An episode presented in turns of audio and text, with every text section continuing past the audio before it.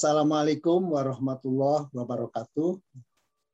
Selamat malam juga ya dari di Indonesia. Kalau saya selamat pagi di sini. Ya, nah saat ini kita beda 12 jam. Nanti kira-kira satu setengah bulan lagi kita beda 13 jam. beda 12 jam itu ada yang namanya day saving time. Day saving time. DST. DST itu day saving time. Artinya Amerika Serikat itu menyimpan satu jam. Menyimpan satu jam Nah, kalau orang tanya-tanya ini nih ya nggak apa-apa cerita-cerita begini ini kita bagi, kita share. Ada apa sih Amerika pakai day shipping time? Ya dulu itu Pak Tani, Pak Tani. Uh, kalau gini-gini ini waktunya itu siangnya terlalu panjang gitu. Siangnya terlalu panjang. Nah daripada anu ya sudahlah dipotong satu jam saja. Itu shipping time. Nah sekarang kita itu masih dipotong satu jam Nanti hmm. kira-kira bulan-bulan nah, akhir Oktober atau awal November itu kita 13 jam. Jadi kalau nanti Indonesia biar saja tetap jam apa 7 malam ya selalu Sabtu jam 7 malam. Kalau kita ada tahun jam 19 WIB. Tapi jamnya Amerika yang berbeda. Nah, jam jam jam tujuh malam, saya jam enam pagi di sini. Gitu. Tapi ya nggak apa-apa, itu urusan kami yang di sini. Bahwa di Amerika itu kalau saya harus saya syukurin, kita punya empat musim. Nah, sekarang itu pemberian Tuhan, pemberian Allah. Jadi kalau kita mensyukuri apa yang diberikan kenikmatan ini, insya Allah akan datanglah apa pemberian-pemberian yang lain. Uh, balik lagi uh, Indra, ini adalah tindak lanjut jadi podcast one to one. Jadi tidak ada orang lain lagi. Tidak ada orang lain. Hanya Indra dengan saya, Pak Surahman ini. Uh, saya lebih senang disebut sebagai seorang guru atau mantan guru. Guru-guru itu ya ya kalau dulu di ada bahasa Jawa yang menamakan digugu dan ditiru. Tapi ya tidak tidak semua guru itu bisa digugur dan ditiru. Guru yang mana? Jadi jadi itu bagus pertanyaan itu tidak semua guru itu bisa digugur dan ditiru. Guru yang bagaimana? Uh, Indra, saya balik lagi kepada cita-cita semula. Bagaimana sih menyiapkan, ya, menyiapkan penerus bangsa ini penerus bangsa ini. Bangsa kita ini sekarang ini sudah berapa? 76 tahun. Hmm. 76 tahun itu ya kalau kita lihat secara makro ya kita lihat secara makro seluruh dunia gitu ya. Amerika itu sendiri ya baru settle itu sudah berapa tahun? Enggak, lama, lama proses. Tapi jangan jangan kita ini makin ketinggalan jadi apa yang sudah pernah dicapai itu harus harus kita tingkatkan dengan segala ya, ke, kelebihan. Kalau kita menyebut itu yang baik itu didulukan dengan segala kelebihan dan kekurangannya. Jadi pada masa Bung Karno, presiden kita pertama kali, itu kan baru berdiri. Orang baru berdiri itu alatnya kurang, uangnya kurang, itu daerahnya saja itu mana, Indonesia itu mana, waktu itu daerahnya itu mana, mikir, tapi akhirnya diputuskan kan, bukan Mojopahit ya kita minta, bukan Mojopahit. Kalau Mojopahit bermasalah, bermasalah apa? Kita harus perang dengan Inggris, kita perang lagi dengan Portugis. Nah, kalau ini cuma satu, kalau gitu apa? Wah, sudah jajahan Belanda. Nah, Republik NKRI yang sekarang ini sebetulnya kalau Indra itu tahu ini adalah bekas. Atau kalau kata-kata bekas itu enggak. Dulu itu milik, miliknya Indonesia milik tapi nama Indonesia kan belum ada. Nama Indonesia kan belum ada. Ya.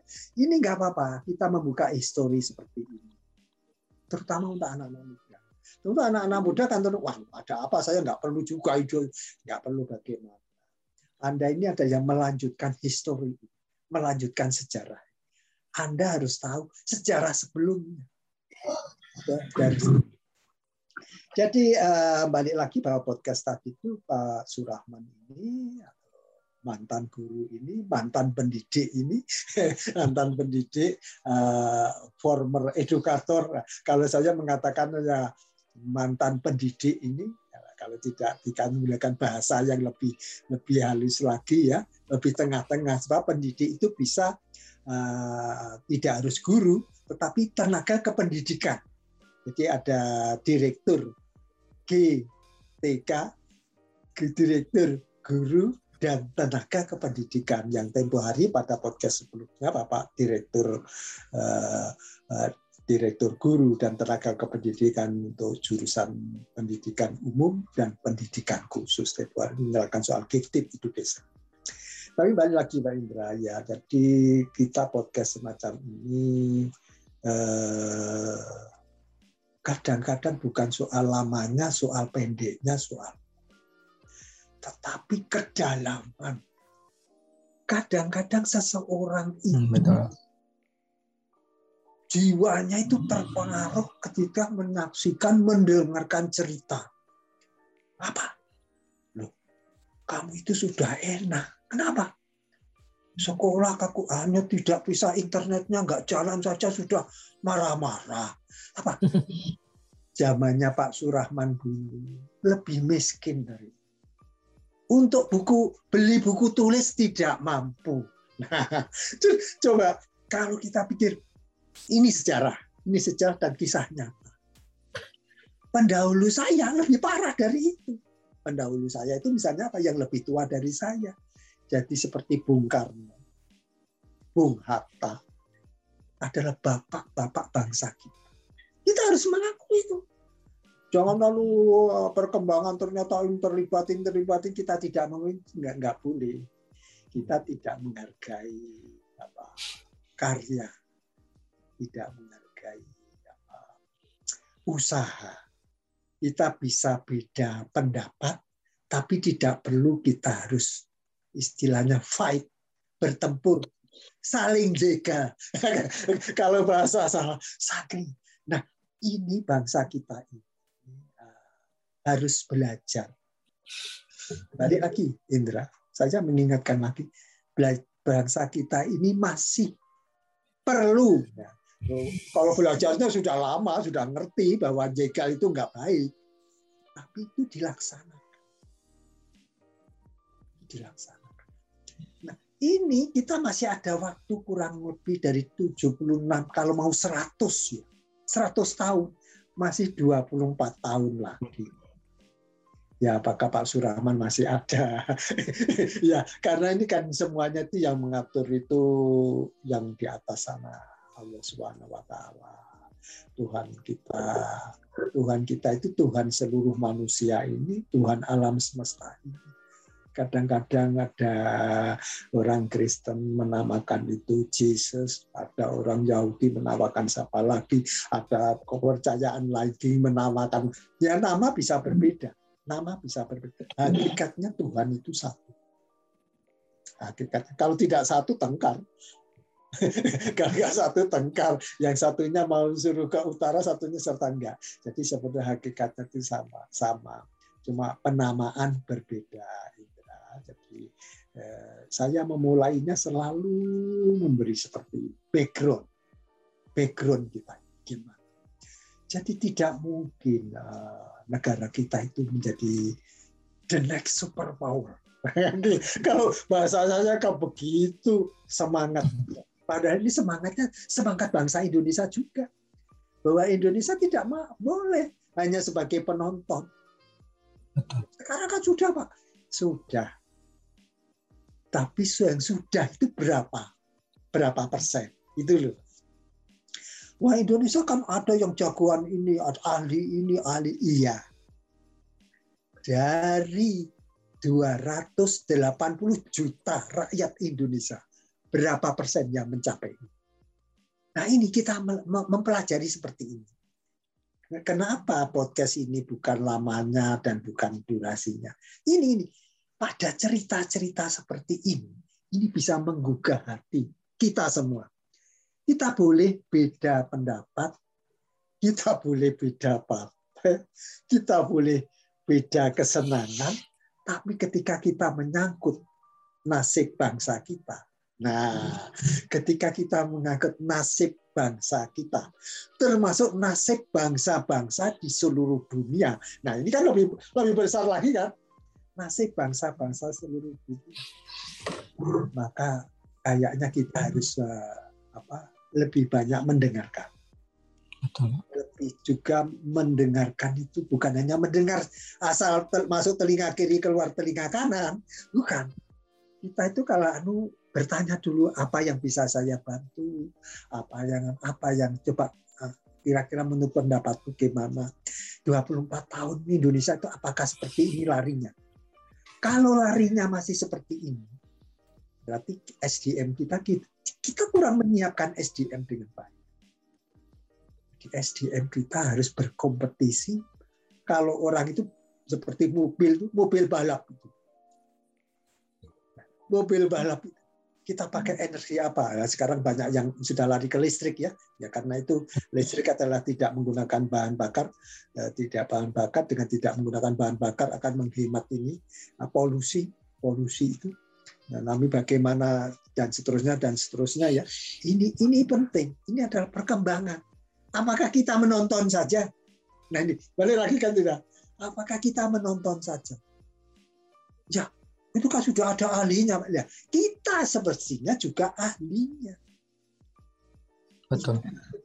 Negara Kesatuan Republik Indonesia.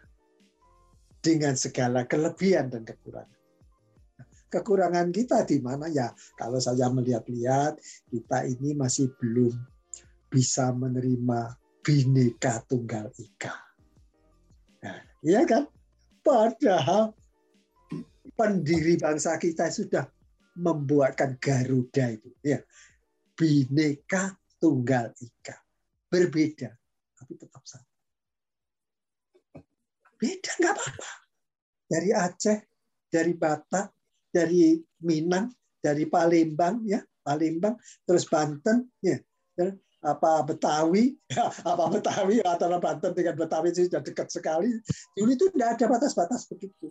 Tapi kita lalu berkembang menjadi apa eh, berbentuk kabupaten provinsi nggak apa-apa sampai desa eh hanya hanya batas desa coba ini kalau didengarkan yang lain hanya batas desa tanahnya kena garis wah ngajak perang desa Ya. Jadi kelompok di desa A dengan kelompok desa B enggak enggak terima saya. Kita harus perang dulu. Lu ngapain? Saudaraku semua, sekarang ini banyak negara-negara yang kacau, banyak ya. Sebagai contoh, ini ini ini baru saja berita kemarin. Apa? Kasihan hmm, saudara. Taliban. Bukan, Libanon. Oh ya listrik saja nggak nyala 24 jam. Betul, betul. Itu kan nangis. Kalau saya sebagai orang Libanon itu nangis. Kalau kita berhasil sebagai orang Libanon, nangis juga. Kok negaraku bubar? What's going on? Dalam kasus-kasus seperti ini kita belajar sejarah. Ada apa Libanon? Kita juga begitu. Indonesia ini sudah 76 tahun. Kok kalah dengan Vietnam? kok kalah dengan Korea Selatan? Kalau kalah dengan Jepang agak pantas gitu ya. Kalau kalah dengan Jepang pantas. Tapi kalau kita itu kalah dengan Korea Selatan, ya mikir-mikir dong. Ya, apalagi nanti kalau sampai kita kalah dengan Vietnam. Lebih malu lagi. Apalagi kita kalah dengan Uni Emirat Arab. Berapa itu penduduknya? tanahnya seperti apa. Kita ini, waduh kalau orang Jawa bilang gemah ripah loh Cina, Harjo. Saya sendiri orang Jawa itu karena itu bahasa Jawa kuno, bingung juga menerjemahkan. Tapi ya kita kaya raya, kita itu kaya raya, makmur. Tapi kalau kita tidak menikmati pak, ya ya, ya ini kesalahan kita. Kenapa? Hanya karena Oh ini tanahnya tidak ada airnya. Ada. Kita bisa siasati dengan hidroponik. Ya? Betul. Teknologi ada. Kok ada sampai nggak kelaparan itu nggak masuk akal. Jadi Indra, apalagi Indra adalah termasuk yang inovator. Saya anggap sebagai inovator. Nah, Indra saya anggap uh, multi talenta. Multi talenta ini sebetulnya penemuan yang sudah lama sekali. Tapi orang-orang sekarang ini masih banyak yang nggak percaya kepada multi talenta. Multi talenta itu bahwa orang lahir itu ada yang bakatnya satu aja nggak nggak bisa. Itu yang dikatakan disable lagi. Miring ke kiri. Kurang. Ada orang normal. Orang normal itu ya kalau diajar normal ya ngerti. Diajar sama gurunya selama satu jam itu ada ngertinya. Walaupun yang nyangkut di kepala itu 40 persen. Tapi ada orang-orang yang ada digeser ke kanan kanan itu sangat cerdas. Jadi kalau orang normal katakanlah 100 angka normal. Itu bisa 140, 160, ada yang 200. Nah, orang-orang yang IQ-nya itu sudah di atas 150, 160. Itu kalau sekolah itu tidur saja. Jadi teman-teman guru, saya ini juga guru. Saya guru 40 tahun jadi guru resmi. Yang nggak resmi ya sekarang ini nggak resmi. Karena saya tuh merasa sebagai guru saya tidak akan pernah pensiun. Insya Allah selama hayat dikandung badan. Apa? Ya tidak ngajar langsung, ya begini ini berbagi. Saya nggak menggurui, berbagi. Karena apa yang saya dapatkan, pendapat saya, itu bisa saja tidak tidak relevan karena tidak relevan, itulah saya mengundang anak-anak muda. Kira-kira gimana ya menurut kalian? Nah ini, hmm. ini Indra, gimana ya, ya uh, untuk ini, ini 24 tahun ke depan. Uh, saya, saya berikan waktu kepada Indra, ya kita sudah tahu. Silahkan Indra kalau mulai. Uh, baik, selamat malam. Assalamualaikum warahmatullahi wabarakatuh. Bapak sehat-sehat di uh, eh, USA, iya, iya. teman-teman masyarakat Indonesia semuanya, perkenalkan, uh, saya Muhammad Indra Surya Laksana, sekarang sedang menempuh pendidikan di Universitas Terbuka Serang, uh, jurusan Ilmu Pemerintahan. Saya lahir dan besar di Provinsi Banten. Boleh selanjutnya, Mas? Nah ini, jadi saya sekarang sedang menempuh uh, semester 7 sebetulnya. Sekarang semester 7 di Universitas Terbuka jurusan pemerintahan. Alhamdulillah baru saja keluar nilai semester 6 kemarin itu lumayan cukup besar lah kalau misalnya seukuran di UT mungkin Mbak Bapak tahu bagaimana hmm. susahnya iya, iya. mencari nilai di UT. Iya, iya. Uh, sedikit perkenalan, ini adalah uh, beberapa rangkuman dari CV saya.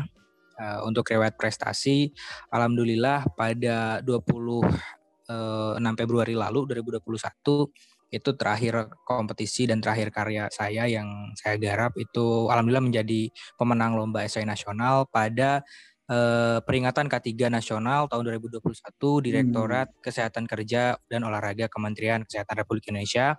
Hmm. Nanti detail karyanya akan saya jelaskan di slide-slide selanjutnya. Iya. Kemudian saya juga pernah menjuarai lomba esai nasional juga di uh, Universitas Hasanuddin.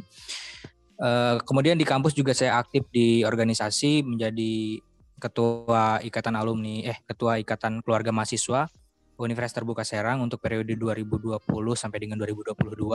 Kemudian yeah. saya juga pernah menjadi ketua umum ikatan keluarga alumni kelompok ilmiah remaja SMA Negeri 1 Malingping pada tahun 2019. Uh, untuk riwayat yang lainnya, saya juga pernah menjadi pembicara peserta internasional seminar uh, international essay competition dan diskusi interaktif dengan berbagai uh, panelis. Uh, langsung aja mungkin kita akan uh, pendekatan ke karya-karya yang uh, interest saya kepada ilmu peneliti, uh, ilmu pengetahuan dan teknologi. Yang baru saja saya buat uh, adalah gagasan yang baru saja saya buat adalah My Particle Board atau MyPB Uh, ini adalah inovasi papan partikel ramah, ramah lingkungan berbasis miselium jamur Ganoderma lucidium dari sampah sayur dan buah atau food waste sebagai upaya mewujudkan konsep Grand City. Nah, karya ini sudah saya ikut sertakan pada acara Call for Essay 2021 dengan tema Infrastruktur dan Energi Bangun Negeri yang diselenggarakan oleh PT Hutama Karya Persero dengan Ekadin Indonesia. Di uh, karya ini uh, memang saya hanya menjadi peserta, tetapi detail karyanya adalah gagasan saya untuk beberapa tahun ke depan adalah membuat particle board yang inov yang ramah lingkungan berbasis miselium. Jadi particle-particle board selama ini dibuat uh, melalui uh, mel apa hanya mengandalkan kayu-kayu yang ada di alam. Sementara kita tahu bahwa uh, sumber daya alam di Indonesia dan di dunia itu sangat terbatas sekali. Sedangkan sampah sayur dan buah itu melimpah sekali. Nah, maka dari itu saya mempunyai bahkan bahkan Indonesia menjadi urutan kedua penghasil food waste ini di seluruh Indonesia, di seluruh dunia. Makanya saya ber, berinisiatif untuk membuka gagasan uh, untuk uh, membuat papan partikel ini dari sampah sayur dan buah dengan berbasis miselium Ganoderma lucidium. Memang beberapa beberapa tahun terakhir saya mempunyai interest terhadap uh, pembuatan komposit dan pengembangan uh, apa partikel-partikel atau material-material berbasis miselium ganoderma lucidium sebagaimana nanti uh, karya-karya saya sebelumnya juga. Boleh dilanjut, Mas?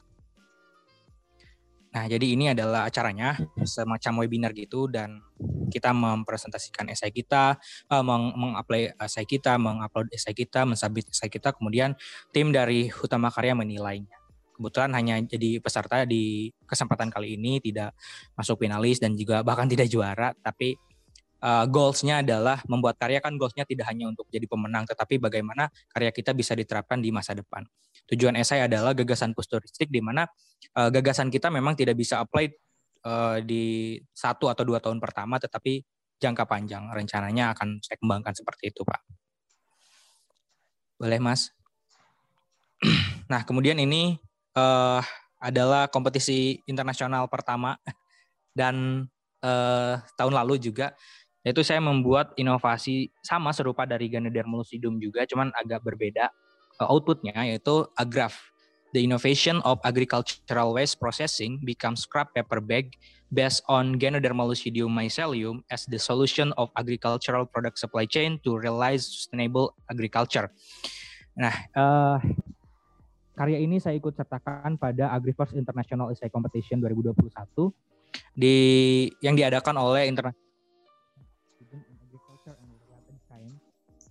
LCUN, uh, LCUNS atau Universitas 11 Maret di Surakarta.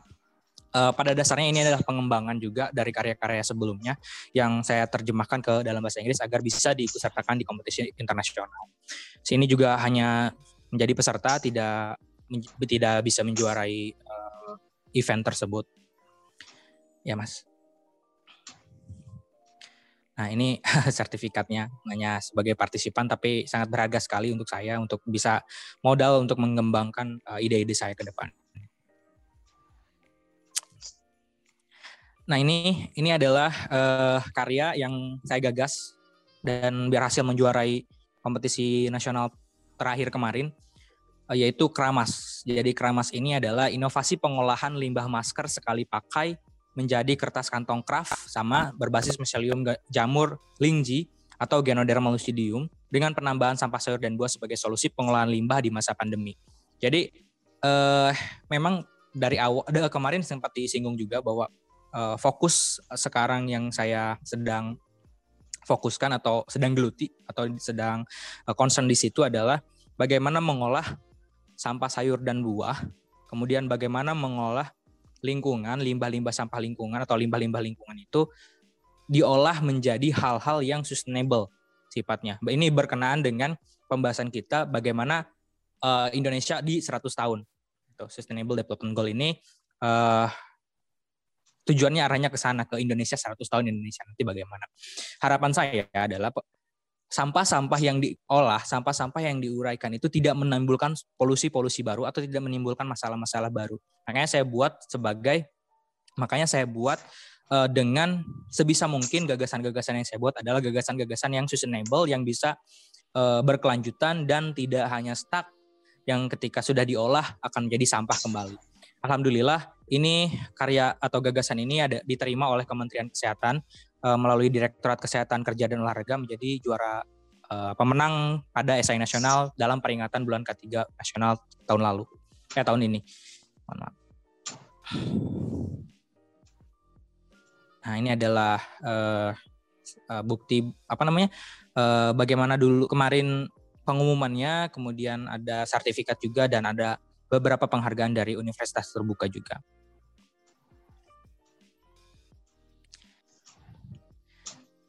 Kemudian ini juga sama sebetulnya. Uh, jadi saya hanya inovasi dalam uh, metodenya, kemudian inovasi pada judul, inovasi pada output variabel x dan y-nya saja. Ini juga sama bahan dasar dan uh, berbasisnya sama karena tadi saya bilang bahwa saya sedang concern di uh, Misalium genoderma lucidium ini yang ternyata ketika saya ngobrol dengan peneliti dari LIPI ini tuh mempunyai uh, ini tuh jamur yang ajaib mahal dan khasiatnya bukan cuma di kesehatan tapi juga pada material.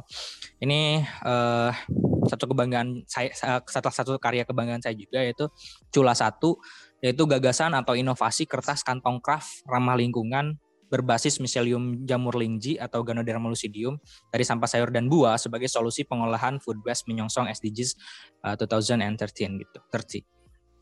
Oke, ini berhasil menjuarai juga pada kompetisi Agritech Exhibition 2020 LKTI Indonesia Nasional pada Himatepa Fakultas Pertanian Universitas Hasanuddin Makassar. Uh, saya berhasil mengungguli beberapa pesaing di universitas-universitas ternama. Ada yang dari Universitas Brawijaya juga, kemudian Universitas Hasanuddin. Alhamdulillah uh, gagasan saya diterima dengan baik oleh uh, Dewan Juri, diapresiasi dengan baik, bahkan uh, bisa mendapatkan juara pertama pada kompetisi ini. Nah, jauh sebelum saya uh, menaruh interest terhadap pengelolaan uh, sampah, kemudian uh, pengelolaan lingkungan berkelanjutan dan lain sebagainya. Dulu sebelum uh, ke sana, saya sempat beberapa kali juga membuat gagasan yang uh, diikut sertakan di lomba, tetapi memang pada perkembangannya uh, stuck gitu karena mungkin belum matang gagasannya masih masih harus banyak masukan masukan-masukan dari para ahli dari para senior senior dari guru-guru saya. Uh, pada tahun 2019 lalu saya pernah mengajukan gagasan di salah satu universitas negeri di Yogyakarta yaitu Universitas Negeri Yogyakarta melalui UNY Debate and Essay Competition 2019 saya mengajukan gagasan yaitu GoPay atau Gold Generation Board Play adalah sebuah inovasi media pembelajaran untuk anak usia sekolah dasar sebagai upaya pembentukan karakter guna mewujudkan Indonesia Emas 2045. Tepat 100 tahun mungkin ya eh, Indonesia merdeka. Tetapi memang eh, inovasi media pembelajaran ini masih sangat sederhana sekali. Eh, pada saat itu hanya menjadi peserta kalah sama teman-teman yang sudah maju pemikirannya daripada saya yang sudah punya konsep yang bagus mengenai inovasi media pembelajaran bahkan sudah menggunakan barcode dan lain sebagainya. Pada saat itu saya belum mengenal bagaimana penggunaan teknologi barcode dan lain sebagainya. Makanya ini stuck sampai di situ yang dan belum saya lanjutkan, belum belum belum ada perkembangannya. Boleh dilanjutkan Mas? Nah, ini hanya mendapatkan peserta sertifikat peserta Uh, kemudian pada tahun yang sama juga pada 2019 mungkin lagi giat-giatnya menulis waktu itu Pak, lagi senang-senangnya menulis, lagi senang-senangnya berpikir gitu untuk uh, daerah khususnya di daerah. Uh, pernah mengajukan juga sebuah gagasan ke di Festival Ilmiah Mahasiswa atau Film 2019 Universitas 11 Maret Surakarta uh, dengan judul Strategi Rekayasa Kelembagaan melalui klinik pemberdayaan UKM sebagai metode optimalisasi potensi kerajinan cangkang kerang di Desa Muara, Kecamatan Wonosalam, Kabupaten Lebak, Banten. Jadi saya Indra adalah berasal dari keluarga uh, daerah pesisir pantai Lebak Selatan atau Banten Selatan. Nah, itu ada salah satu desa di sana sebetulnya uh, perbatasan dengan Kabupaten Pandeglang itu ada namanya uh, Desa Muara atau Kecamatan Wonosalam Kabupaten Lebak ini. Nah, ini bahkan pantainya sudah terkenal sekali sampai ke Indonesia mungkin di dunia internasional juga ada pantai Binwangun namanya sering dijadikan uh, tempat syuting, mancing mania dan lain sebagainya karena memang sumber dayanya melimpah sekali di sana. Nah, ibu-ibu di sana, keluarga-keluarga di sana itu memanfaatkan cangkang kerang sebagai uh, pernak-pernik, sebagai uh, kerajinan dan lain sebagainya, tetapi belum ada yang mewadahi sehingga kurang bisa uh, menggebrak gitu, kurang bisa menambah pemasukannya. Mereka hanya di lokal-lokal saja dan uh, yang berkunjung ke sana saja.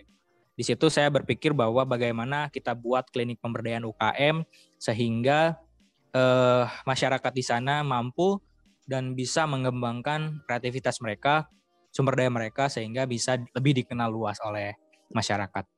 Namun sayangnya lagi-lagi mungkin kebelumatangan berpikir saya di tahun 2019 itu menjadikan karya ini hanya sebatas uh, apa namanya ya meramaikan kompetisi itu saja di Festival Ilmiah Mahasiswa Nasional itu.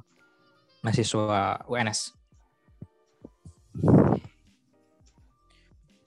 Oke, diteruskan saja, Mas. Nah, kemudian ini adalah uh, karya profesional pertama asik. Maksudnya adalah karya profesional pertama itu dalam artian yang dibimbing langsung oleh peneliti uh, LIPI pada saat itu di tahun 2016. Ini saya masih uh, kelas 2 SMA, uh, Pak. kelas 2 SMA sudah mulai Bagus, meneliti, ya? sudah mulai meneliti ini uh, potensi ekstrak daun pandan laut atau Pandanus odorifer dari sepanjang pantai Lebak Selatan, Banten sebagai anti rayap. Ini diikutsertakan pada Lomba Karya Ilmiah Remaja LIPI tahun 2016 di Jakarta. Boleh dilanjut dulu, Mas? Nah, jadi ini uh, adalah kompetisi ilmiah berbe paling bergengsi di Indonesia selain yang diadakan Kemendikbud. Uh, dari ribuan proposal di seluruh Indonesia, proposal saya dan kawan saya uh, bisa masuk dan diterima oleh LIPIK dan mendapatkan uh, dosen pembimbing langsung dari peneliti uh, LIPI gitu. Waktu itu saya mendapatkan kesempatan dibimbing langsung oleh peneliti uh, media LIPI uh, yaitu Bu Deni Zulpiana, MSI, beliau peneliti dari biomaterial LIPI di Cibinong, hingga akhirnya membuat saya tiga bulan sekolah di luar. Di sekolah di luar itu dalam artian tidak sekolah di, di kelas gitu, jadinya di, di pusat penelitian itu magang selama tiga bulan, mengembangkan pandan laut menjadi anti rayap. Nah ini memang hasil pemikiran berdua juga dibantu oleh uh, teman saya nih Muhammad Fajli Nur Islami Haryanto sekarang dia sudah malang melintang di dunia perarsitekturan. Memang mungkin saya dan teman saya itu cenderung orang-orang yang uh, tidak hanya ingin mempelajari satu bidang saja mungkin ya Pak. Jadi teman saya juga dari yang awalnya kita sama-sama meneliti pandan menjadi anti rayap, beliau membelot ke arah arsitektur dan saya membelot ke arah ilmu pemerintahan dan politik. Uh, jadi saya di pada saat itu dibimbing oleh dua pembimbing, yang satu dari LIPI dan yang satu dari sekolah, Bapak uh, Tatang Iskandar, guru saya yang luar biasa, membimbing saya dari awalnya nol sampai bisa mengikuti ajang uh, ajang penelitian ilmiah yang paling bergengsi di Indonesia. Kebetulan ini adalah, kebetulan ini juga uh, di dewan jurinya langsung juga ada salah satu dewan juri yang dari British Council yang membuat uh, menjadikan ini adalah pengalaman berharga banget di hidup saya yang akhirnya sekarang menjadi landasan bagaimana menulis karya ilmiah yang baik, bagaimana meng mengkritisi ilmu dengan baik, bagaimana mencari masalah keilmuan dengan baik dan lain sebagainya. Mungkin ini adalah uh, awal langkah saya menjadi uh, interest terhadap ilmu pengetahuan gitu. Bertemu dengan orang-orang seluruh Indonesia. Boleh Mas? Oke, ini adalah pengalaman-pengalaman lainnya. Ini jadi sebelum sebelum uh, saya di uh, eh, UT sekarang di di uh, THL di UT gitu ya dan juga ini masih running sebagai mahasiswa UT. Saya aktif membimbing uh, salah satu kelompok ilmiah remaja Pak di sekolah di SMA jaga guru. Guru yang kakak kakak uh, teman-teman sih nyebutnya uh, kakak kakak pembimbing mungkin ya gitu ya. Bukan guru yang bagaimana hanya guru ekstrakurikuler. Jadi saya sempat membimbing anak-anak SMA uh, satu tahun 2019 sampai dengan 2020 uh, juga berhasil mengantarkan siswa-siswa saya merasakan apa yang saya rasakan di 2016. Mereka juga berhasil mengikuti lomba karya ilmiah remaja nasional yang diadakan oleh LIPI. Dan uh, hebatnya mereka dan juga mungkin pembimbing-pembimbingnya, kemudian kita juga ilmu pengetahuan dan teknologi mulai maju, mereka berhasil menyabet juara satu dan juara tiga nasional pada saat itu. Dan uh, itu menjadi suatu kebanggaan bagi saya karena akhirnya bisa menularkan ilmu yang saya punya, ilmu yang saya rasakan, pengalaman yang saya rasakan kepada uh, siswa-siswa bimbingan saya, adik-adik bimbingan saya. Sebetulnya di LKI RLIPI tahun 2019 ini kita lolos proposal itu dari ribuan itu lolos tiga proposal. Yang satu bidang pengetahuan teknologi, kemudian bidang pengetahuan kebumian, eh dua bidang pengetahuan teknologi dan satu bidang pengetahuan kebumian. Jadi yang dari pengetahuan kebumian itu berhasil menjadi mendapatkan juara pertama. Ini adalah sertifikat untuk yang uh, juara pertama uh, bidang kebumian, yaitu sebetulnya ini adalah bidang apa ya? Kalau spesifiknya lebih ke bidang limnologi, uh, yaitu pelet limbah sagu atau metrosilan sagu termodifikasi aplikasi pakan buatan pada usaha pembesaran ikan lele Dumbo. Nah, ini berhasil menjuari juara pertama di kompetisi itu menjadi pemenang pertama. Kemudian pemenang kedua itu adalah tadi pengembangan dari uh, Kinoderma lucidium juga menjadi particle board yang dibimbing oleh peneliti LIPI waktu itu Pak Tio dari biomaterial juga. Akhirnya setelah dua tahun, eh setelah tiga tahun dari 2016 itu 2019 kembali lagi ke biomaterial bertemu dengan peneliti-peneliti senior yang hebat-hebat di sana. Kemudian satu lagi adalah membuat bioplastik dari biji karet yang itu hanya menjadi finalis saja. Kemudian output lainnya teman-teman yang menjuari satu dan juara tiga itu berkesempatan untuk sebetulnya berkesempatan untuk berkompetisi di Anaheim, California pada pada ajang internasional International Science and Engineering Fair di Anaheim, California 2000 20. Namun karena pandemi dan juga persiapan yang kurang matang, akhirnya teman-teman gagal berangkat dan kita juga gagal berangkat. Ini juga men, uh, suatu kebanggaan bagi saya. Akhirnya bisa menularkan pengalaman dan ilmu yang didapatkan kepada teman-teman di uh, sekolah gitu di adik kelas. Boleh dilanjut, Mas? Nah, kemudian di uh, 2020 saya juga pernah diberikan tugas oleh UT untuk uh, ikut aja uh, ikut berpart berpartisipasi dan berperan pada edukasi karir yaitu Festival Bedah Jurusan Online 2020. Itu. Ini adalah uh, pertama saya sebagai pembicara mungkin di pembicara yang di level profesional itu sebagai pembicara bedah jurusan yang di mana di sini saya perannya sebagai uh, pengenalan jurusan ilmu pemerintahan spesifiknya ilmu pemerintahan UT kepada mas, masis, uh, kepada siswa-siswa SMA yang akan melanjutkan ke perguruan tinggi.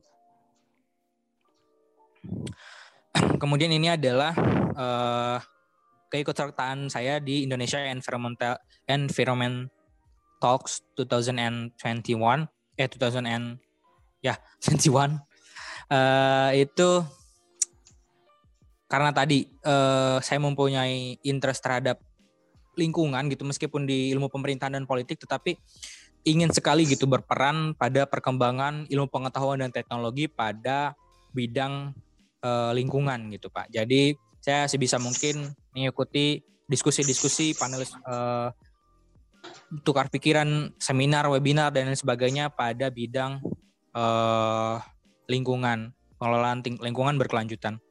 Ini terakhir, uh, sebetulnya banyak sekali pengalaman-pengalaman uh, dan karya-karya saya yang tidak bisa saya sampaikan di sini. Kebetulan uh, sertifikat dan bukti-bukti yang bisa ditampilkan di slide-nya ada di rumah, jadi tidak sempat dibawa ke Serang. Jadi tidak bisa saya sampaikan di sini uh, bersama Fajli tadi yang yang berkompetisi di apa namanya di LKR LIPI juga saya sempat dua kali ikut 2015 juga lolos juga tapi saya tidak membawa bukti sertifikatnya ke di, di slide ini gitu ya. Jadi waktu itu um, sama di lingkungan juga kita memanfaatkan uh, license atau rumut kerak untuk me, untuk me, apa namanya mendeteksi kualitas udara di sekitar industri semen Semindo Gemilang di Bayah. Kemudian saya juga uh, pernah mengikuti beberapa kompetisi debat uh, baik provinsi maupun nasional, tapi saya juga tidak bisa membuktikannya gitu ya Pak karena harus ada sertifikat pendukung dan sebagainya itu ada di rumah semuanya. Ya, ya. Baru-baru ini terakhir kemarin di di Sport Seni Nasional UT juga berpar, berpartisipasi di debat uh, kompetisi debat di nasional. Mungkin itu uh, yang bisa saya share ke masyarakat kita ke Bapak juga sedikit pengalaman tentu saja masih masih jauh sekali dari teman-teman saya dari rekan-rekan bahkan saya salut sekali melihat prestasi dan pencapaian karya-karya Mas Didin ya di podcast sebelumnya yang membuat saya wah ini mah luar biasa gitu berarti saya masih harus belajar berkembang harus uh, ngobrol dengan teman-teman dengan bapak ibu senior-senior para ahli yang sudah lebih berpengalaman di bidangnya makanya sebisa mungkin saya uh, aktif mengikuti webinar-webinar juga eh, magang-magang bahkan uh, dari SMA gitu sudah mulai magang-magang di uh, LIPI. Ya itu mungkin Pak yang bisa saya share sedikit banyaknya uh, yang masih apa ya masih haus lah akan akan kompetisi-kompetisi itu dan pengembangan-pengembangan ide masih perlu wadah itu yang iya, saya share Pak. Iya. Terima kasih Indra. Ini ini bagus sekali. Indra ini mulai punya semangat yang bukan hanya apa semangat itu ada di di, di tingkat lokal ya, tapi sudah menyebar ke nasional bahkan meningkat ke internasional. Dan ini podcast ini kan nanti akan disebarkan kepada teman-teman kita saudara-saudara kita. Ini juga didengarkan oleh orang tua, ya. Jadi dengan ini apa yang kita ambil peran? Apa yang dilakukan Indra ini? Apa yang dilakukan Didin? Apa yang dilakukan Ruli? Nah, ini adalah percontohan. Nah, percontohan ini adalah contoh-contoh yang terbaik loh kalau untuk sampai saat ini level-level apa yang dengan indera yang masih usia sekian sudah mencapai kematangan berpikir ya kematangan berpikir ya itu bukan hanya kita itu uh, memikiri diri sendiri tapi sudah berpikir juga untuk masyarakat dan lingkungan dan masa depan dunia ini gimana ya kalau kita acuh terhadap kebersihan, kita acuh terhadap lingkungan. Kalau kita acuh terhadap ya kiri kanan kita, siapa yang yang untuk anak cucu kita itu kebagian apa lagi? Ya, kalau ini saya melihat ini untuk lagi semua apa ada perubahan sikap terutama ini di Presiden Amerika Serikat climate change presiden yang terbaru ini tidak perlu menunggu tiga dunia diundang langsung ke Amerika Serikat dibiayai sendiri semuanya ditanggung. Nah ini ini yang diperlukan itu action seperti itu. Yang diperlukan. Kalau kita tidak ber, bergerak sekarang, habis bumi nggak bisa dihuni lagi. Jakarta akan tenggelam. Ini bukan kira-kira ini, sudah jelas akan tenggelam. Kalau kalau. Apa yang ya kira-kira yang menyebabnya sudah jelas penyebabnya adalah kita masih membakar itu batu bara mau membakar itu bensin ya kan? Bensin solar. Itu itu adalah dari bumi dan itu tidak terbarukan jadi kita harus eh, berpikir bagaimana bumi kita ini makin bersih bagaimana kita mengurangi energi-energi yang tidak terbarukan. Yang tidak terbarukan sudah di, diulang-ulang, diulang-ulang. Tapi kita tetap saja bangga dengan menggunakan mobil. Ya, mobil ini pakai apa? Pakai bensin ya, bodoh aja. Ya, sama, sama. Kita bangga sekali. Kenapa nggak pakai transportasi ini? Jadi sikap-sikap demikian ini kita harus memberikan contoh. Gimana kalau masih bisa sepeda? Bisa nggak sepeda? Ya. Jadi kita mengurangi mobil. Mengurangi mobil itu mengurangi aduh, kalau Pak Surahman itu punya penyakit yang namanya asma. asma. Asma itu alergi karena udara kotor. Jadi kalau saya ke terminal, sudah saya hitung, dalam hitungan 8 jam. Dari saya masuk terminal tadi, kalau terminal Indonesia maksud saya. terminal kalau dulu itu di Pulau Gadung gitu ya. Uh, apalagi pasar nggak tahu nama-nama terminal yang lain karena saya dulu tahunya cuma Pulau Gadung. Setelah itu ya sudah kantor saya di UT, kantor saya di UT. Setelah itu ya sering kali kita pakai mobilnya UT, ya. Jadi Pak Suraman kadang-kadang pakai mobil dinas juga, ya. mobil plat merah. Kadang-kadang kita lupa bangga, bangga naik mobil, mobil sampai macet pun bangga. Ah, ya saya pasang AC dong Padahal makin menyalakan AC, energi nambah. Energi diambil dari bensinmu itu. Tenaganya diambil dari bensin. Hanya untuk menyalakan AC.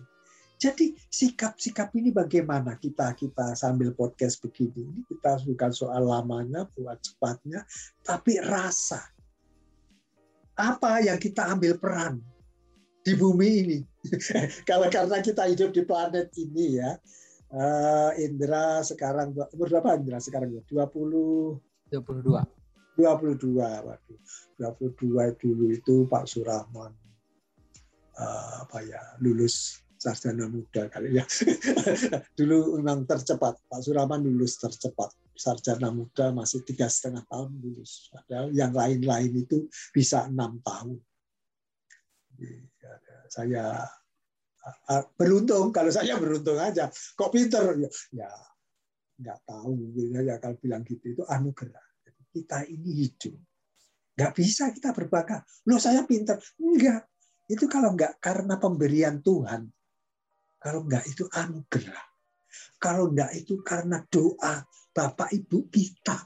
Loh bisa loh ya? Karena doa itu Tuhan itu wah ini orangnya kok sholat malam, puasa, apa itu sering bersedekah kepada orang lain. Kadang-kadang bersedekah itu juga suatu Bahkan kalau saya melihat di, di, di lingkungan saya Amerika dari Pak Surahman ini kalau di total itu eh, berapa ya tujuh tahun tambah sudah total itu sekitar 14 tahun. Tinggal hidup di Amerika. Jadi sekolah di Amerika Amerika, ya, bekerja di Amerika, hidup di Amerika. Ini yang memberikan apa? Kalau saya melihat saya bukan untuk untuk saya sendiri, mesti saya cerita, mesti saya bagi kepada teman-teman saya ini saya bagi. Bagaimana sih Amerika itu ke, kekurangannya apa, kelebihannya apa? Kalau kita cari cerita itu kekurangannya banyak. Tapi kalau yang lebih bagus, kita ambil kelebihannya. Yang saya ingat itu misalnya ngantri. Budaya ngantri. Budaya ngantri itu kalau saya melihat, karena saya punya anak, saya punya cucu, itu mulai dari pre preschool. Nah, kalau kita kan preschool itu ya masa anak-anak ibunya repot dititipkan ke sekolah yang namanya preschool. Apa kita itu belum belum TK, malah belum TK. Jadi itu sudah diajarkan untuk ngantri. Diajarkan untuk menghargai ini bukan milikmu, jangan diambil.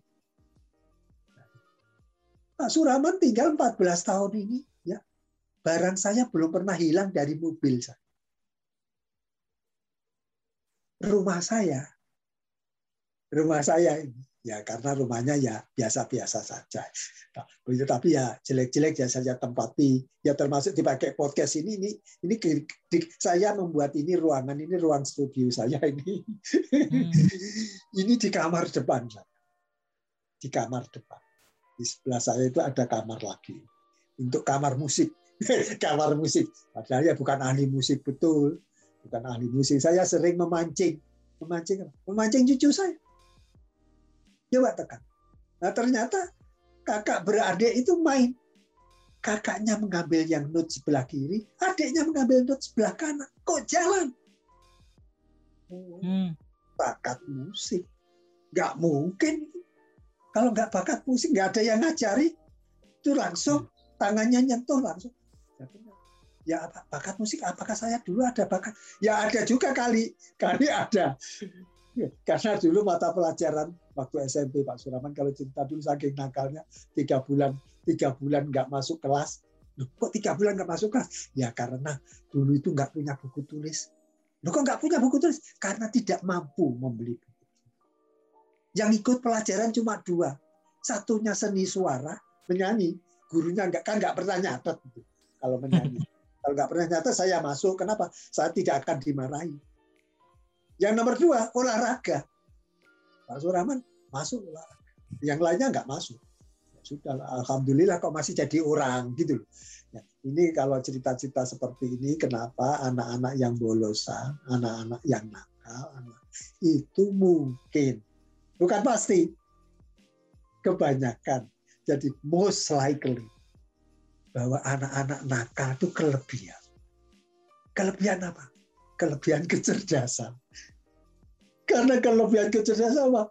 Iya, kalau yang mengajar, oh ibu itu saya sudah tahu. Oh, saya, oh, saya sudah tahu. Belum diajar saja sudah tahu. Tidur akhirnya di kelas. Jadi kalau uh, anak anak itu ada yang tidur di kelas, tolong teman-teman guru ya saya ini lama jadi guru 40 tahun itu kan bukan waktu yang pendek ya 40 tahun jadi guru loh ini kok kok masih kelihatan segar Pak Sunan. Alhamdulillah. Alhamdulillah. Jadi walaupun saya ini punya punya hipertensi, tekanan darah tinggi. Ya, saya pakai rumus masakan tanpa garam. Hmm. Waduh, kan nggak enak. Ya nanti ditambah dikit aja, garamnya dikit. Ya, nggak mau garam ditambahi sambalnya saja, dikit sekedar. Ya ini alhamdulillah Pak Surahman masih bisa survive. Ini hampir 70 tahun. Ya masih alhamdulillah musim corona seperti ini saya paling-paling keluar itu ya pakai mobil sendiri. Bukan pakai mobil umum. Kalau mobil umum kan campur. Ya, kalau di Amerika kan enak kita mobil itu banyak ya, mobil sendiri. Tapi saya juga tidak sering keluar jadi ya, hal seperti ini Mas Indra, eh, apa yang dipikirkan tadi, yang didengarkan Amerika yang bagus tadi, antri budaya antri. Kalau bukan haknya, jangan diambil. Jadi saya cerita bukan haknya, bukan. Jadi saya tidak pernah kehilangan barang selama hidup 14 tahun di Amerika Serikat. Loh Pak, wah itu di tempat saya itu, jangankan ya, ya itu yang kurang baik. saya katakan ya yang kurang baik. Jadi sudah sudah mobil, sudah disuruh tempat parkir, sudah di rumah pun bisa dirampok. Ya, bisa dirampok. Karena apa? Manusia balik itu bukan haknya kok kamu ambil. Jadi sekarang ini agama agama adalah salah satu yang memberi garis besar. Mestinya kalau agama itu imannya kuat, takut. Takut pada? Takut pada Tuhan. Karena Tuhan itu serba tahu. Sekarang kalau ini kita tidak mengarahkan kepada umum, wah ini agamanya berbeda, kan tidak harus agama ini, agama ini enggak. Nah sekarang itu itu milikmu bukan, bukan. Kalau bukan milikmu jangan diambil. Jadi kalau kita melihat ada barang di depan kita, biarkan di tempatnya Kecuali ya, kita mau mengamankan lagi barang itu seperti foto apa, masukkan ke plastik, kembalikan di tempat itu juga. Supaya apa? Fotonya nggak rusak. Kalau ada uang, uangnya masukkan ke plastik, kembalikan tempat itu. Nanti mungkin ada orang lagi jalan, barangkali uangnya jatuh di situ. Nah, sama dengan handphone. Waduh, handphonenya ini iPhone 12, Pak. Waduh, nah ini Pak, untuk beli aja belum pernah. Ini sayang dong, Pak. Ya, ini ada orang lupa atau jatuh. Dari tasnya jatuh karena tergesa-gesa. Bayangkan. Kalau tadi itu bukan karena ketuhanan yang tinggi ya. Aduh, ini tadi yang secara umum di, sudah diajarkan mulai kecil, kalau bukan milikmu jangan diambil. Jadi saya tidak pernah kehilangan. Tidak pernah kehilangan. Dicuri orang itu enggak ada. Tapi apakah kita, apa Pak? Mobil harus dikunci. Lihat-lihat situasinya. Lihat-lihat situasinya. Ketika, ketika kalau kalau saya misalnya saya di di tempat parkir umum, tempat parkir umum. Ya, bisa dibayangkan kan kalau tempat parkir umum itu orang itu banyak. Bahkan ada orang lewat. Orang lewat itu ada orang yang sangat susah. Hmm. Ada yang mungkin tidak makan sehari. Terus ada mobil terbuka, ada makanannya lagi di dalamnya. Apa enggak orang yang kelaparan tadi dengan sangat terpaksa mencuri? Jadi kalau kita lihat sampai-sampai kenapa rumah saya tidak saya kunci? Barangkali ada orang. Ini ini resiko juga resiko. Barangkali ada orang kedinginan di Amerika Amerika tempat saya ini ya. Itu kalau sudah musim dingin sebentar lagi sekarang sudah jadi saya sudah pakai pemanas tadi. Tadi pagi pemanas saya sudah saya nyalakan. Tapi kemarin juga AC saya saya nyalakan. Loh, kok bisa gitu? Ya iya, di luar lagi panas. Karena panas, kita kepanasan supaya enak. AC dinyalakan, ya enak saja, listriknya ada. Nyalakan listrik, bayarnya nanti juga. Masalah sih, masa pemanas juga bayarnya sebab satu pemanas itu 1.500 watt satu pemanas. Dan itu satu kamar nggak boleh dua pemanas. Kenapa? Ya ada sekringnya. Sekring pembatas itu listrik ya.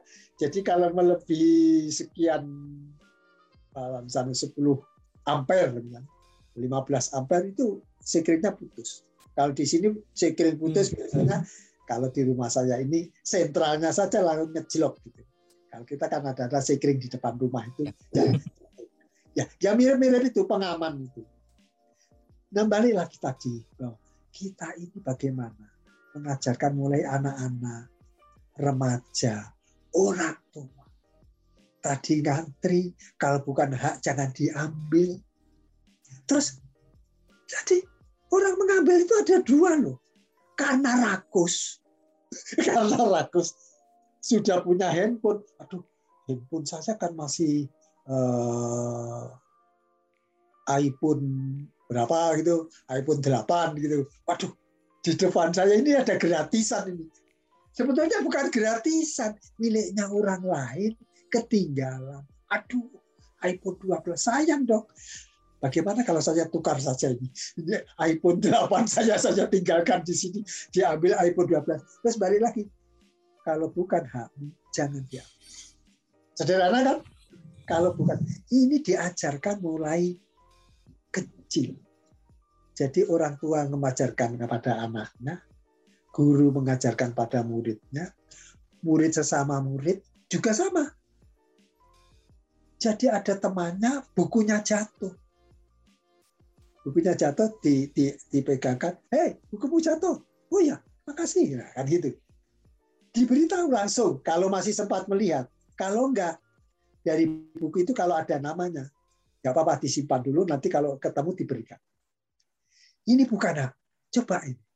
Kalau ini kita laksanakan, ya bangsa kita akan lebih baik lagi. Kenapa ini kita kok ketinggalan ini?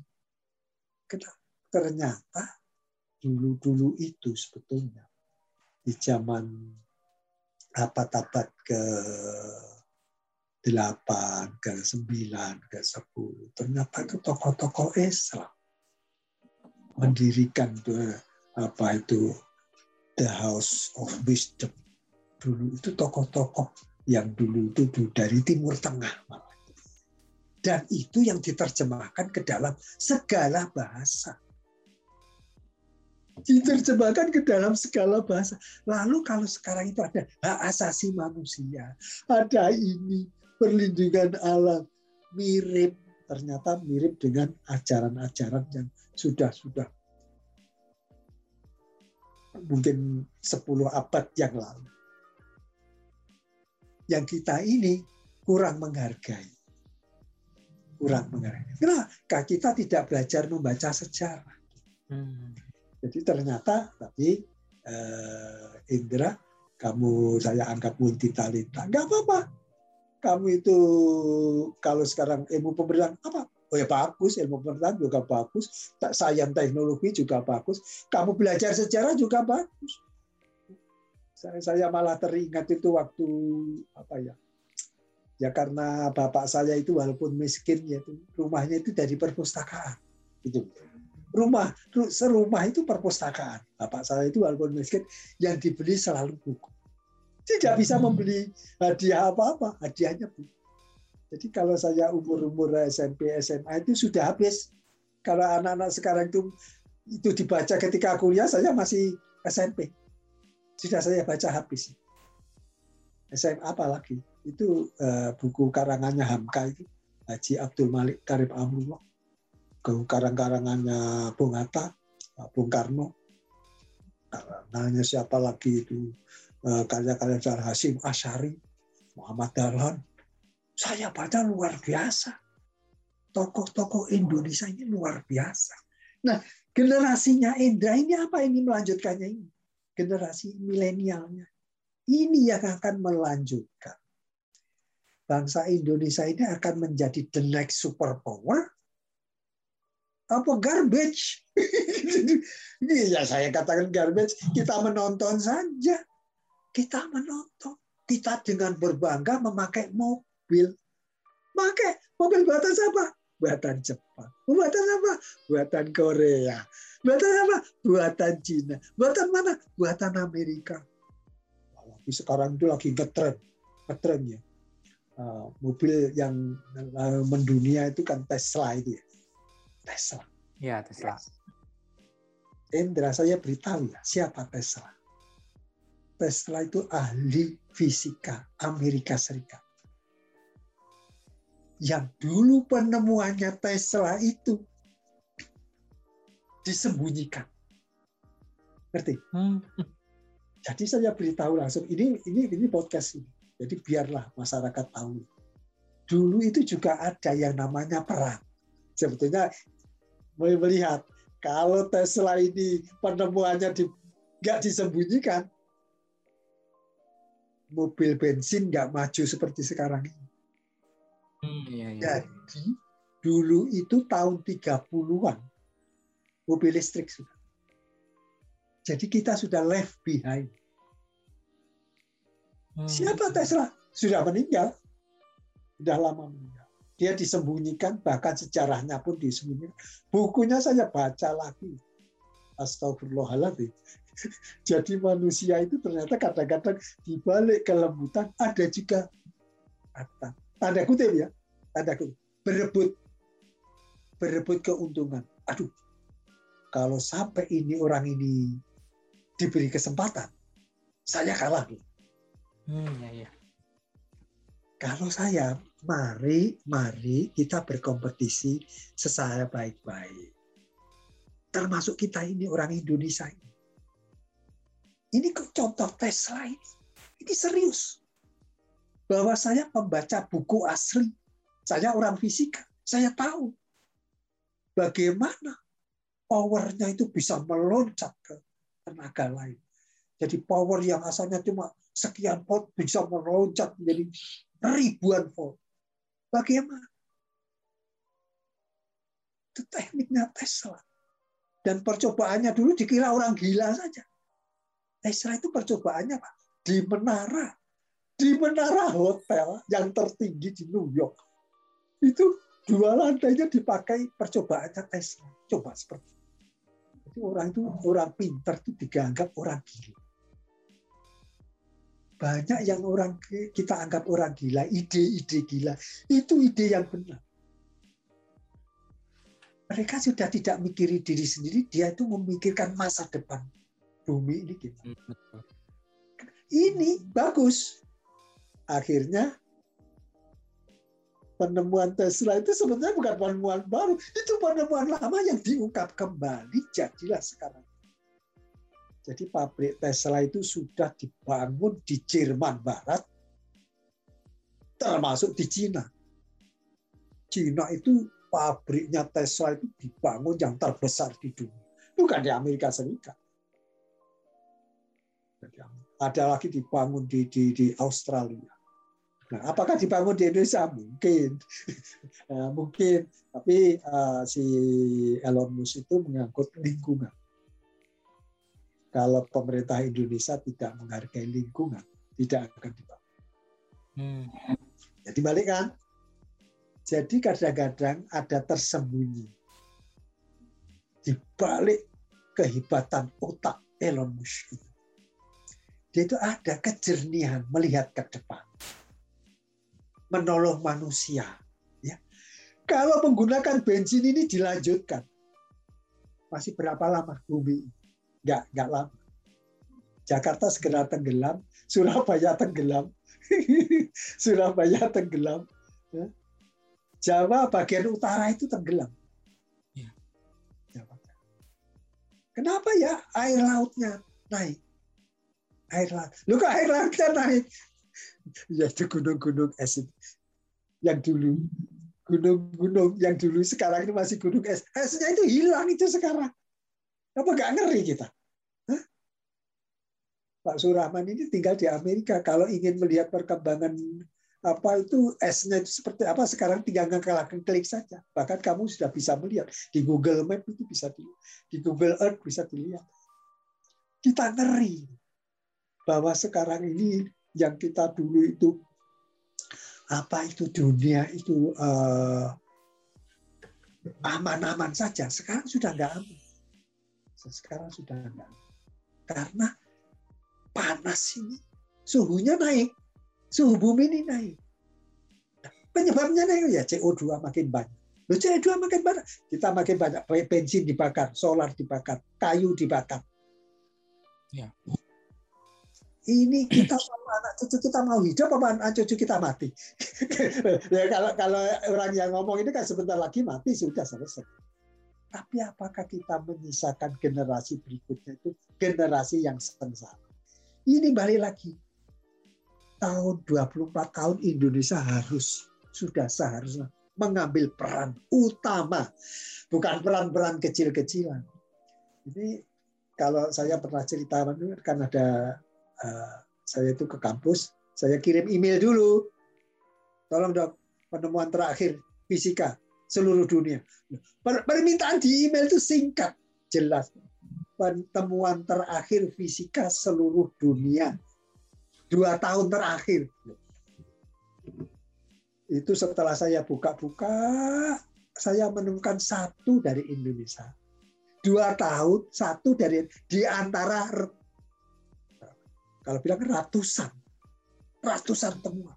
Satu, setelah saya baca, itu tulisannya itu bukan tulisan temuan, itu merefer pendapatnya orang lain. Hmm. Hanya aplikasinya di sini gini. Jadi belum utama. Kita ini fisikanya aduh jauh sekali. Mestinya kalau saya sendiri orang fisika kan malu. Kalau saya sendiri kan fisika orang malu. Jadi kalau saya dulu jadi guru itu selalu teriak-teriak praktikum, praktikum, praktikum, praktikum. Mulai TK, SD, SMP, SMA, apalagi perguruan tinggi. Jadi kalau sekolah tidak ada praktikum, bagaimana kita akan menjadi the next superpower? Kalau sekarang ya sudah terbukti bagus itu SMK sekolah menengah kejuruan. Praktikum bagus. Mestinya. Pilotnya itu. Itu contoh bagus. Loh SMP-nya? Ya kita lihat praktek enggak. Jadi kalau mau kita setuju sebagai kepala sekolah, sebagai seorang guru, pendidik, sebagai seorang dosen, cara mengukur sesuatu lihat datang datang saja ke suatu daerah, datang ke SD, datang ke SD. Eh, guru guru itu kalau mengajarkan IPA gimana? Nah, kalau mengadakan kan nggak ada fisika yang ada IPA gitu ilmu kata. Kalau mengajarkan IPA gimana? Ini Pak pakai buku ini pakai. Terus disampaikan ya disampaikan pakai YouTube, pakai ini, praktikum Nggak ada alatnya, Pak. No more question. Nggak bertanya lagi, sudah. Coba. Tanya ke SD lain. Kadang-kadang ambil 5, 5 SD. Mulai dari SD yang paling apa di Malimping di Malimping sampai di SD di Serang ya itu kalau di Banten gitu ya di Malimping sampai di Serang lihat aja di SD-nya itu gurunya IPA mengajarnya itu praktek atau cerita. Iya. Praktek itu meskipun alatnya sederhana tetap dinamakan praktek. Tetap dinamakan praktek. Jadi kita mari rebut, Indra, mari kita rebut sekarang ini. 24 tahun masih cukup Indra insya Allah ya, insya Allah Indra sudah mengambil peran penting di di NKRI. Pak Surahman akan insya Allah kalau masih ada waktu hidup akan menonton dari sini. Ya, ya kadang-kadang ya nanti dua bulan ke Indonesia. Ya, dua bulan ke Indonesia kalau Pak Surahman itu nggak senang duduk di di rumah itu nggak suka. Saya itu akan keliling seminggu di pondok pesantren ini, seminggu di sekolah ini, seminggu di perguruan tinggi ini. Apa? Ya mau berbagi cerita saja, berbagi hmm. pengalaman. Tidak tidak ada sifat menggurui tidak ada, karena dunianya sudah berbeda, dunianya berbeda, teknologi berbeda. Nah, paling tidak kan kalau fisika saya background fisika saja bisa menerangkan. Nah ini kan listriknya, ini mana ini ini ini ini ada di sini. Ini, ini tombolnya kurang ini. Nah ini ini salah. Ini yang rusak ini. Yang rusak ini. Nah, kadang-kadang untuk untuk yang sederhana, Indra, untuk yang sederhana, tes pen saja. Dulu waktu saya jadi guru, Indra, saya mendemonstrasikan ke anak-anak. Tes pen itu apa sih? Ya saya buat satu apa kabel, ada lampu, lampunya lampu Iya, iya. Ya. Lampu yang bisa nyala lampu neon itu ya, ya namanya lampu. Kecil ya. Ya itu di, di anu diikat saja, jangan pakai di solder juga boleh diikat diputar pakai tangan atau apa. Hmm. Jadi ada hambatan. Hambatan itu kalau besarnya itu 10 juta. Loh, 10 juta hambatannya.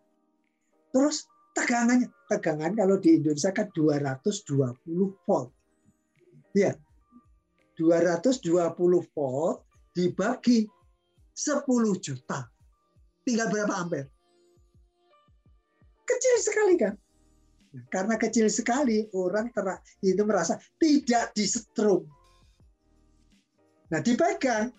Jadi ini ada hambatan tadi dulu, terus ada lampu. Lampunya nyala ini, Pak. Loh, iya kan nyala. Iya, ini melalui tangan. Tangan ini. Loh, tangan, tangan kita terus nyetrum ke bumi Hmm. Terjadi aliran listrik. Tapi alirannya rendah. Nggak percaya? Pakai lidah. Nah, ketika pakai lidah, lu, lu iya, kesetrum. Itu ringan. Praktek-praktek yang sederhana seperti inilah, Indra, yang harus dilakukan guru. Dari mana? Ya kalau perlu nanti saya tulis lagi lah bukunya, saya upload jadi cerita ini sebetulnya kan kisahnya. Pernah saya uh, melakukan percobaan, ya murid saya SPG dulu murid saya. Ya. Saya mendemonstrasikan dengan alat sangat sederhana. Saya mengajarkan bagaimana kecepatan suara, eh, kecepatan cahaya itu membelok karena perbedaan medium dari yang kurang padat menjadi yang itu bisa. Dengan matematika yang sangat sederhana. Bahkan sampai suatu ketika uh, murid-murid saya SPG itu saya tanya, gimana? Aduh Pak, saya dulu kan sering meninggalkan kamu ya. Pak Suraman itu minta maaf ke murid-muridnya karena sering penatanan, sering ke luar negeri. Aku banyak dosanya saya itu. Apa? orang yang paling dosanya kepada Republik itu ya saya. Makin banyak yang menghabiskan uang Republik itu saya. Berapa kali saya penataran ke nasional. Namanya sekolah saja ke British Council hampir setahun. Ke Texas dua tahun. Ke apa? Iowa ngambil PhD. Itu uang rakyat. Jadi kalau banyak dosanya, ya saya paling banyak dosanya. Paling banyak mengambil uangnya Republik. Jadi ini gimana ini supaya loh, bagaimana bisa kesempatan seperti Bapak? Ya kompetisi seperti Mas Indra tadi itu. Jadi Pak Suraman dulu itu hanya nasib beruntung saja. Bisa bisa terpilih ke British Council, bisa terpilih ke Texas, bisa terpilih ke Iowa. Ya mungkin kalau saya bilang itu garis hidup, garis kehidupan saya beruntung inilah tadi Indra, kamu sudah punya visi misi tadi. Luar biasa. Kamu harus menyelamatkan bumi ini. Kamu harus menggunakan tadi mulai dari biji kerang sampai limbah sampahnya buah dan sayur. Itu di pasar itu kalau dikumpulkan pembuangan sampahnya pasar dan dijadikan bot tadi. Ya, ya bot yang banyak sekarang dibuatkan dari kayu. Nah, nah kayunya makin banyak oh nebang pohon. Waduh, pohonnya sudah banyak yang ditebang nggak ditanam lah ini. Ini ini balik lagi cheating. Kita ini bangsa ini mau membangun atau mau menghancurkan. Jadi kalau Kalimantan itu itu tanahnya tanah gambut. Iya. Iya kan? Tanah gambut. Mau bangun. Eh? Mau bangun di, di Kalimantan. Gedung bertingkat 100. Gila. Itu tanahnya ambles. Iya. itu gambut. Jadi Betul. mau pertanian. Pertanian cap apa? Menanam padi. Ya nggak jalan lah. Terus apa ya masih? Ya masih bisa itu yang yang tanpa air, yang tanpa tanah. Nah ini gilirannya Indra mem merayu pemda-pemda itu. Ah, kalau ini berdasarkan pendidikan begini Pak. kalau bosnya itu mau mendengarkan apalagi melalui Zoom begini. Ini uh, kita bisa menjadi produksi atau lumbung pangan dengan tanpa tanah. Jadi kalau Kalimantan itu nggak bisa tanah itu pemberian Tuhan seperti itu. Di balik kekurangan Kalimantan, ada kelebihan pasti. Oh, Kalimantan itu kalau dipikir itu pulau yang cukup besar. Pulau yang cukup besar. Ya, sebagian itu dulu dijajah Inggris ya. Yang dijajah Inggris itu diberikan kalau kita sekarang Malaysia itu ada sedikit juga yang Inggris juga ya. Itu Brunei. Ya, Brunei. Jadi kalau mau geografi sekarang terbayangkan kita. Nah, Indonesia itu yang dulu dijajah Belanda. Jadi kita harus mengakui dulu kita 350 tahun dijajah Belanda. Makanya banyak orang Indonesia yang enak tinggal di Belanda, nggak balik-balik. Ya. Jadi saya, saya berpikirnya sudah saya anti Belanda, oh karena Belanda itu sudah berubah. Jangan. Jadi zamannya Indra, zamannya generasi milenial sudah tidak ada lagi permusuhan. Kita lebih baik kolaborasi. Dengan Belanda gimana? Itu kan mantan penjajah. Wah, yang mantannya itu jangan dikeras-keraskan. Suaranya kalau mau dalam bahasa persuasi. Bahasa persuasi. Bahasa gimana ya supaya hati kita itu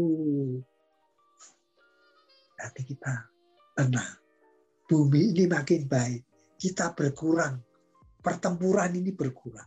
Kita saling berbagi. Kita saling membantu. Nah ini, saudara kita yang di Lebanon ini gimana ini? Saudara-saudara kita yang di Lebanon itu negaranya mau bubar. Nah, saudara-saudara kita yang di Afghanistan itu begini. Dengan ditinggalkannya Amerika Amerika sudah 20 eh, tahun, sudah waktunya diserahkan kembali, ya sudah lanjutkan pemerintah. Apa yang bisa saya bantu? Nah Amerika apa yang bisa saya bantu? Bukan bukan mau ngajak perang, kalau ngajak perang pasti kalah. jangan, jangan nantang perang, ini jangan nantang perang. Berbeda. Kita ini mau membuat rakyat kita ini sejahtera. Sama dengan kita Indonesia. Gimana sih rakyat kita sejahtera? Indra sudah mengurukan tadi ini ini ini prestasi ini, ini sudah bagus kan? Sudah bagus kan? Jadi hal-hal yang seperti inilah Indra Pak Suraman sebagai generasi pendahulu yang sudah menikmati. Kalau, saya saya ini menikmati, menikmati apa? Kalau saya itu sudah menikmati uangnya Republik dengan segala kekur kelebihan dan kekurangan.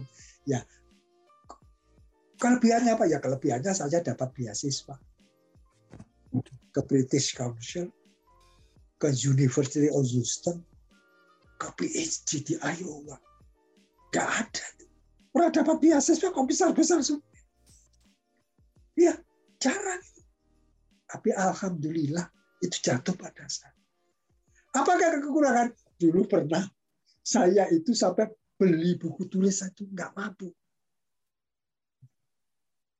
Jadi rasa-rasa seperti itu geram di sini. Saya akan punya cita-cita. Seandainya saya punya rupiah saya mau nyumbang untuk beli buku tulis. Lo kenal? Saya dulu gara-gara nggak punya buku tulis, nggak berani masuk ke Itu dari citanya. Kenapa? Ya Pak Surapan sudah menikmati. Sekarang sudah menikmati. Ketika 40 tahun, paling tidak yang terakhir di UT itu saya keliling Indonesia, bolak-balik ke Amerika Serikat. Bolak-balik Amerika Serikat, Indonesia bayar saya empat kali dua kali yang kuliah Houston dengan PhD, yang dua kali itu penelitian, satunya penelitian, yang dua kali itu ada program akademik recharging. Hmm. Program akademik recharging, jadi itu dosen itu boleh ya. ke luar negeri ya. untuk dicharge lagi D-nya supaya, waduh, saya kan sudah profesor, saya sudah ini, saya sudah doktor, ngapain lagi keluar?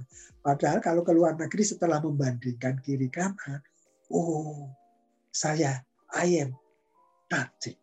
Kita ini Ini gunanya.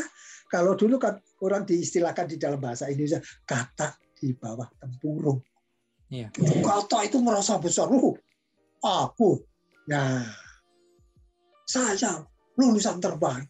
Lulusan ini lulus iya lulus. Lulus lulus. Karyamu apa? Yep. apa yang kamu sumbangkan kepada kiri kanan? Sumbanganmu apa jadi kalau saya melihat kadang-kadang membaca, ya, mengikuti di mass media ada kelompok-kelompok anak muda seperti Indra, seperti Ruli, seperti Rifki, seperti Didin, mengajak kiri kanan untuk hanya mengumpulkan uang. Siapa yang mau dana? Ya ini ada yang masak. Loh, untuk apa masak? Masakan ini akan dikirimkan kepada saudara-saudara. Isolasi mandiri. ya, isolasi mandiri itu sengsara. Nggak boleh keluar. Terus makan apa? Nah, kalau ada anak muda atau oh ya tidak harus muda ya orang tua juga boleh. Tapi ada orang yang mau menyumbangkan uang. Sudah saya nyumbang beras, saya mau menyumbang minyak, saya mau menyumbang masak, saya saya menyumbang delivery. Nah itu itu kalau saya katakan itulah calon penghuni surga. Calon-calon penghuni surga bahwa mereka hidup itu untuk kepentingan orang lain, kepentingan dunia Jadi jangan ini ini kamu dari suku mana ini? Wah nanti kalau sukunya saya kan dari Banten ini. Nah, ini kok kayaknya Jawa ini. Enggak enggak dapat mau jadi kirimi dilewatin. Ini dosa loh. Dosa. Membedakan dari atas sara itu. Nah sudah ini, ini ajaran umum. Umum semua harus melaksanakan. Jadi jangan wah ini teman saya ini bukan suku yang sama, agamanya nggak sama. Ini kan bukan Islam, wah, kalau agak Islam. Ini nggak bagus. Ya. Jadi ini postcard sini sekaligus saya konklusi, Indra. Waktunya saya serahkan kepada Indra, saya serahkan kepada masyarakat Indonesia, baik itu tinggal di Indonesia maupun di luar negeri.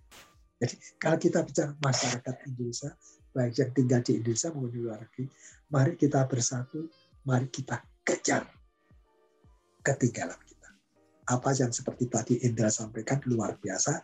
Terima kasih Indra. Nah, ada satu satu menit konklusi. Satu. Uh, wah, Mas Didin sama. Ya, saya juga melihat Mas Didin ternyata masih sama seumuran Pak. Nah, luar biasa ya, sekali, tapi sudah lulus duluan. 28 Oktober 99.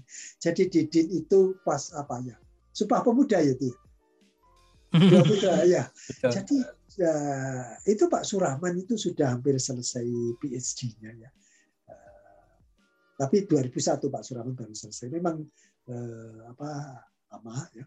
Lama itu kalau kami karena sambil anu saya juga jadi asisten profesor gitu jadi tahun 94 itu jadi asisten profesor. Dan asisten profesor juga penelitian. Nah, penelitian ya karya-karyanya sekarang ini saya bagi-bagikan gitu.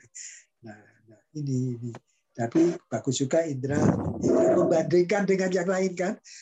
Oh, jadi saya yang tanah sudah juara satu, juara satu, juara satu, ini terbaik di Banten. Oh, ada juga saudara saya. Jadi melihat Didin itu friend jadi kamu iya. juga yeah. kalau perlu minta nomornya Didin. Betul Pak. Rencananya sih memang begitu. Ya, nanti kita kolaborasi. Tidak ada manusia yang per... Pak Suraman ini sudah tua. Tapi ya setua-tuanya memaksakan diri ini setiap hari Sabtu pagi. Sabtu pagi Tadi saya SMS cucu saya, ngajinya berhenti dulu ya. Kenapa? Sebentar lagi ada tukang. Nah, tukang ini memperbaiki apa kamar mandi. Biasalah kita itu ada selalu ada kekurangan gitu harus perbaiki. Kalau perbaiki kadang-kadang kan ngebor. Untuk tukangnya belum datang. Kalau tukangnya datang kan saya nggak bisa podcast kan ini. Ya, ini tadi. Ya bagus, bagus Indra. Terima kasih bahwa kamu berjiwa terbuka jiwa terbuka ini yang harus kita miliki semua. Eh, teman-teman semua, Bapak Ibu, saudara-saudara semua sebangsa setanah air, baik di Indonesia maupun yang di luar negeri, semoga podcast ini eh, kami hanya berbagi, berbagi pengalaman, berbagi wacana. Kekurangan itu pasti ada. Nobody perfect. Tidak ada manusia yang sempurna. Ya, yang sempurna itu hanya Tuhan yang Maha Kuasa. Semoga bermanfaat. Selamat malam, selamat pagi Amerika. Assalamualaikum warahmatullahi wabarakatuh.